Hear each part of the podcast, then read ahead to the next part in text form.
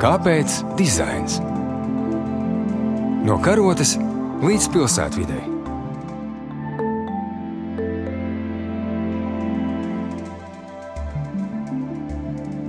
Simtprocenti organiski arhitekti. Tā par sevi saka šā gada 20 Rīgas Tehniskās Universitātes arhitektūras fakultātes absolventi. Savos diplomu projektos viņi risina pilsētvidas jautājumus, kā ēkām un teritorijām, kas vairs netiek aktīvi izmantotas, piešķirt jaunu identitāti, mainot to pielietojumu un arī nozīmi sabiedrības apziņā. Gan piedāvā jaunus risinājumus visdažādākajām būvēm uz Zemes un arī planētas Mars. Februāra mēnesī ikvienam bija iespēja novērtēt diplomantu domas mērogu. Arī es devos uz izstādi un tikos ar Rīgas Tehniskās Universitātes mācību spēkiem, kā arī ar diviem no beidzējiem - Raivu Jāni Mucunieku un Lauru Karabulutu.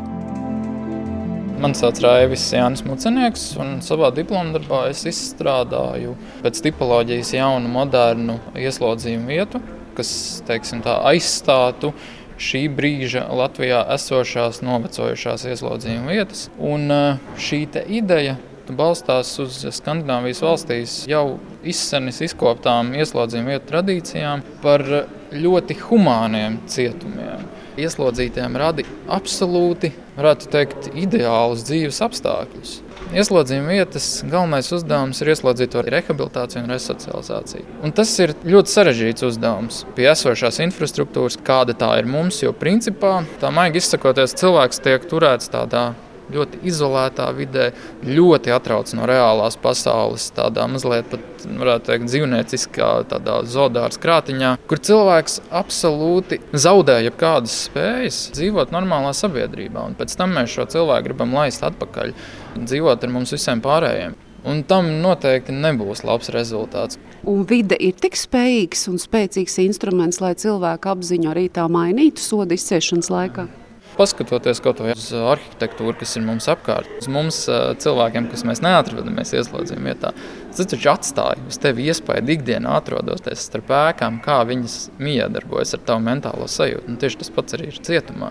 Vai tas ir krātiņš, kurā tu tiec turēts, vai tas ir būris uz ieslodzījuma vietas jumta, kur tu tiec izlaists pastaigās uz neilgu laiku, vai tas ir apzaļumots, labiekārtots dārsts, kurā tu tiec izlaists pastaigā. Nu, tas mentāli ļoti spēcīgi dažādi pretstati viens otram. Un tāpēc droši vien arī jūs esat izvēlējies šo Fjodora Dostojevska citātu. Labākais veids, kā atturēt ieslodzīto no izmukšanas, ir nodrošināt, lai viņš nekad nejustos kā cietumā. Mm, jā, šī darba tapšanas laikā ne tikai šis citāts, bet vispār viņš ir ļoti daudz nu, nepētījis, bet aprakstījis ieslodzījuma vietas savā laikā. Kur tas varētu atrasties, cik liels tas būtu un kādu teritoriju tam varētu pielāgot? Jā, šī paredzētā jaunā ieslodzījumu vieta atrodas pavisam netālu no Ulbrakas, blakus Latvijas Republikas zemesardzes bataljonam. Ēkas ir izkārtotas dabiskā ainavā, diezgan ekstensīvi, plaši pavisam zemes gabala kopējā platība ir diezgan liela - 390 tūkstoši kvadrātmetru, taču ieslodzītajiem pieejamā platība ir krietni mazāka. Tā ir 45 tūkstoši kvadrātmetru platība, tāpēc, ka ir zināmas prasības, kas ir jāievēro. Ir šī drošība, jānodrošina tur liela atmežojumā platība, lai nodrošinātu šo perimetru kontroli, un šīs te tehniskās vajadzības tomēr ir jāpatur prātā. Un cik ieslodzītajiem būtu atvēlēta šī vieta? Tā, 432 ieslodzītiem. Tas ir krietni mazāk nekā tas ir esošajās ieslodzījuma vietās.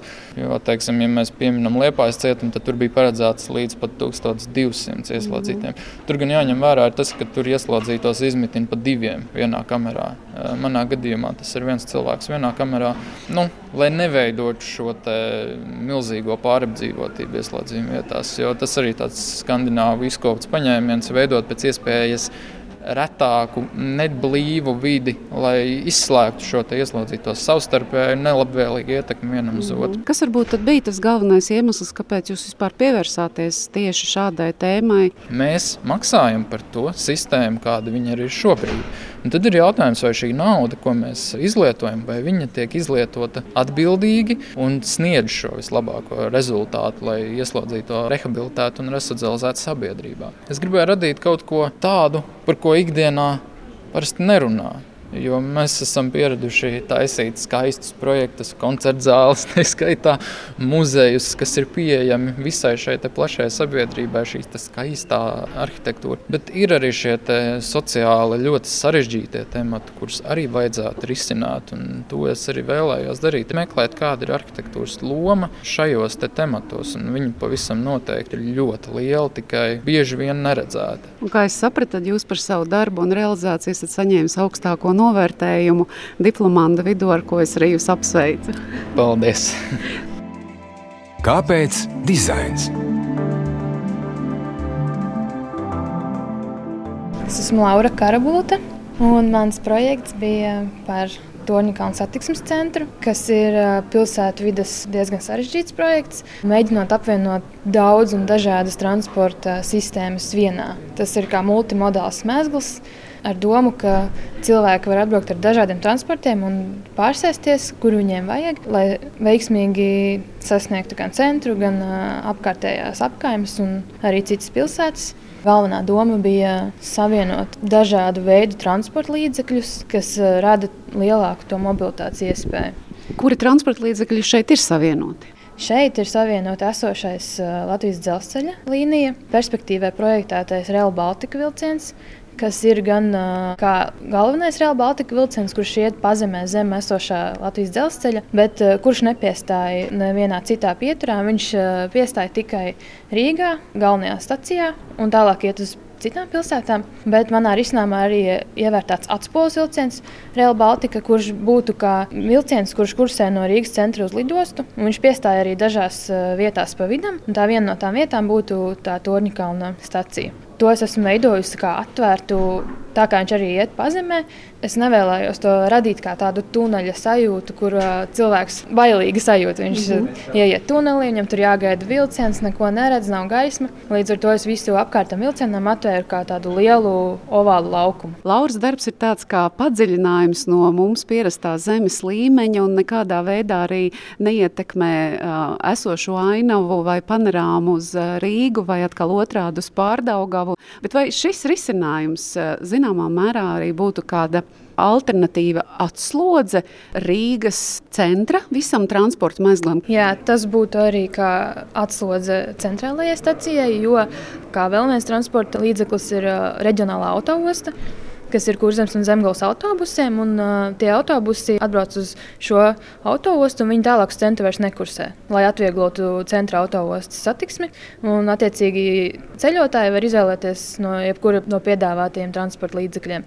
Kā arī uh, vēl papildus transporta līdzeklis ir savienotās uh, tramvajas sliedes ar esošajām, kuras tālāk iet tunelī iekšā savienojumā ar Raņķa dambi. Un, protams, arī trolēļus un autobusus pa vienības gatas uh, satiksmi. Un, līdz ar to tas rada ļoti daudz iespējas cilvēkiem pārvietoties. Tad mēs redzam risinājumu jūsu diplomu darbu, bet kas varbūt bija tas, no kā jūs sākāt šo savu izpēti? Kur jūs redzējāt šo lielo problēmu, kurai ir piedāvāts šis risinājums multimodāli transporta mezgli? Tā lielā problēma, manuprāt, aizsākās ar to, ka Real Baltica ir ļoti nozīmīgs mūsu nākotnes transporta līdzeklis tas ietekmēs tiešā veidā visas apgājums, ap kuru šis transports kursēs.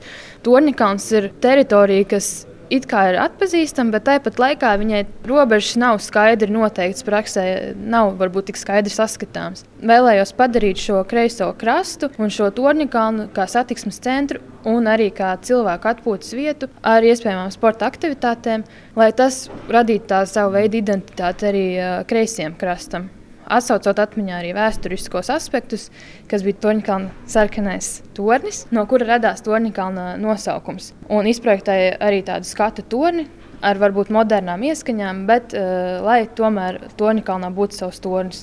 Ja šāds uh, satiksmes mēsls tiktu īstenots, kas jūsuprāt būtu nu, tie lielākie ieguvumi pilsētas iedzīvotājiem un, protams, noteikti arī citu pilsētu iedzīvotājiem un arī turistiem? Iedzīvotājiem noteikti lielākie ieguvumi ir ilgspējīgā mobilitāte, kur mēs uh, pēc iespējas mazāk uh, cenšamies izmantot uh, privāto auto.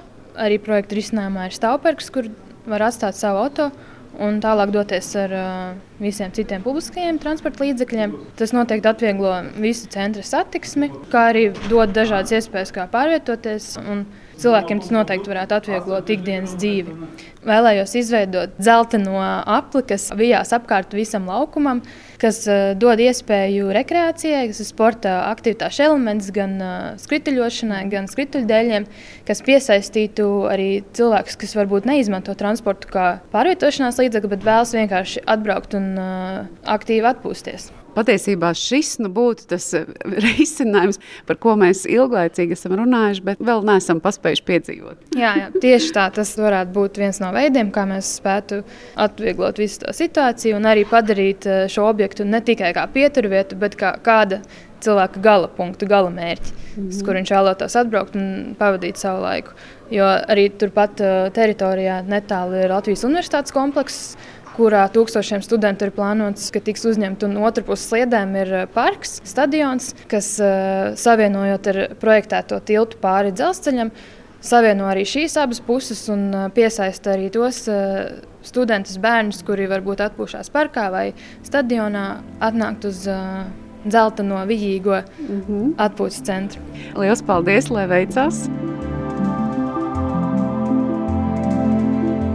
Senais muguras esot laiks, kad arhitekti tikai savā darbnīcā radīja meistardarbu, uzsver Rīgas Tehniskā universitātē. Prasme veidot miedarbību starp arhitektūru un sabiedrību ir viens no principiem studijās.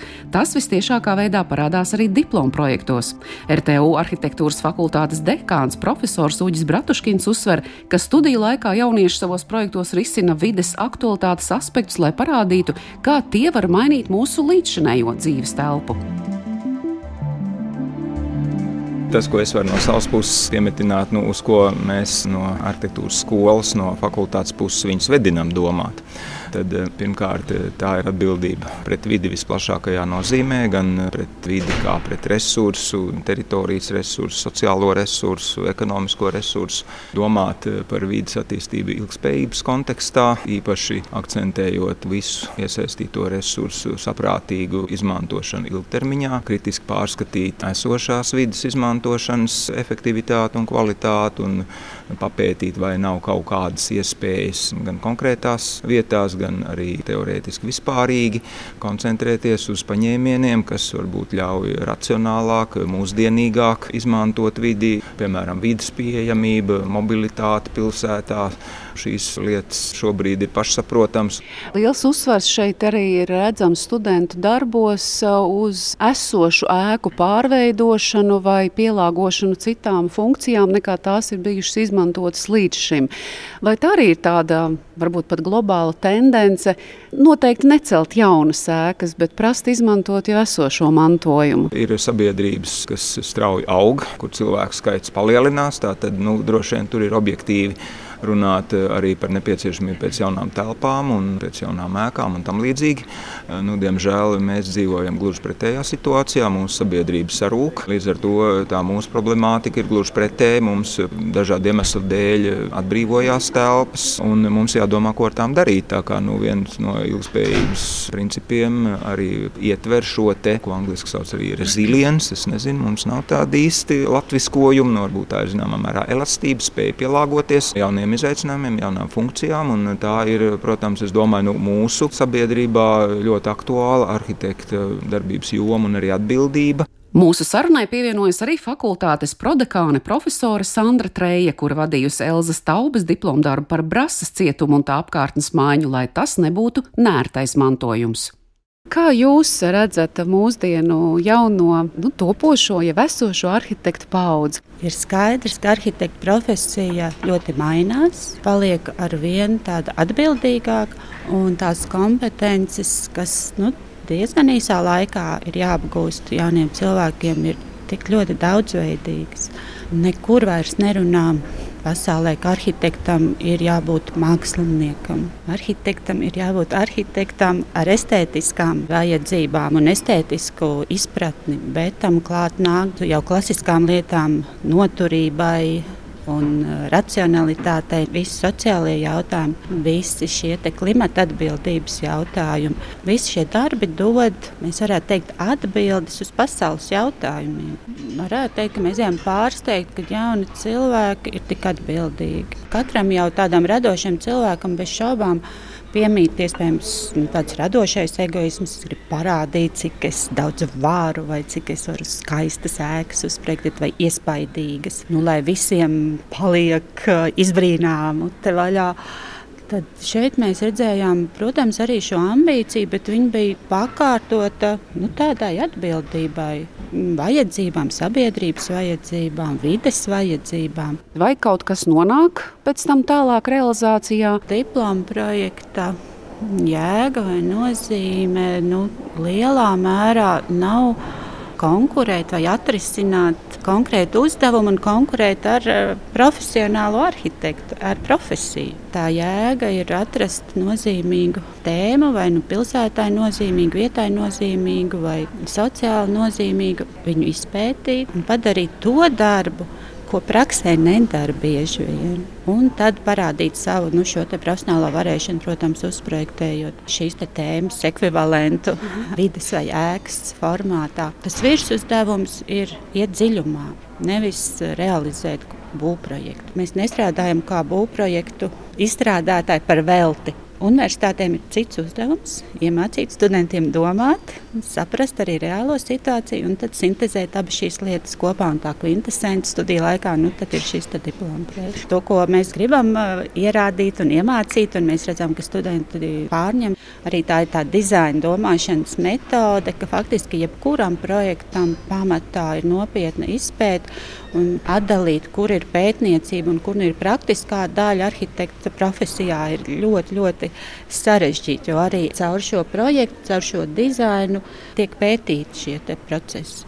Kā jūs jūtaties par savu izstrādāto darbu, kuru varbūt kādreiz jūs realizēsiet, bet varbūt jūs realizēsiet pašu procesu, pašu darba gaitu, kurā jūs esat strādājuši? Šajā gadījumā jau tā nozīme nav tajā, vai tavs diplomdarbs, ko tu esi tik ļoti rūpīgi izstrādājis, vai viņš tiks radīts. Svarīgākais ir tas, kādu ziņu tu ar to nodod. Ir svarīgi likt domāt cilvēkiem par šiem jautājumiem, domāt par to, pacelt augšā kaut kādas jaunas tēmas, jaunas tendences.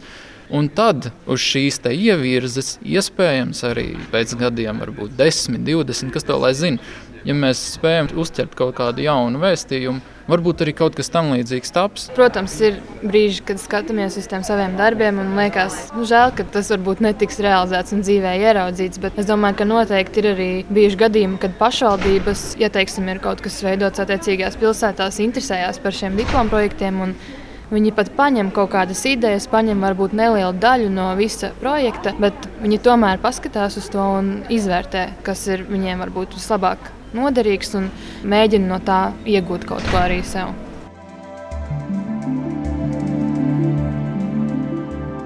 Jaunie arhitekti arī ir izcinājuši, kā mūža kompleksiem pievienot ražošanas funkciju, atjaunot pilsētvidi un dzīvnieku uzturēšanās apstākļus zooloģiskajā dārzā, un arī tam, kādai jābūt kosmosa izpētes stacijai uz Marsa. Tāpat pavisam konkrēti piedāvājumi ir operas un baleta radošajam kvartālam, senioru dienas centram un nozīmīgu sporta būvju, vieglatlētikas manēžas un olimpiskā stadiona īstenošanai.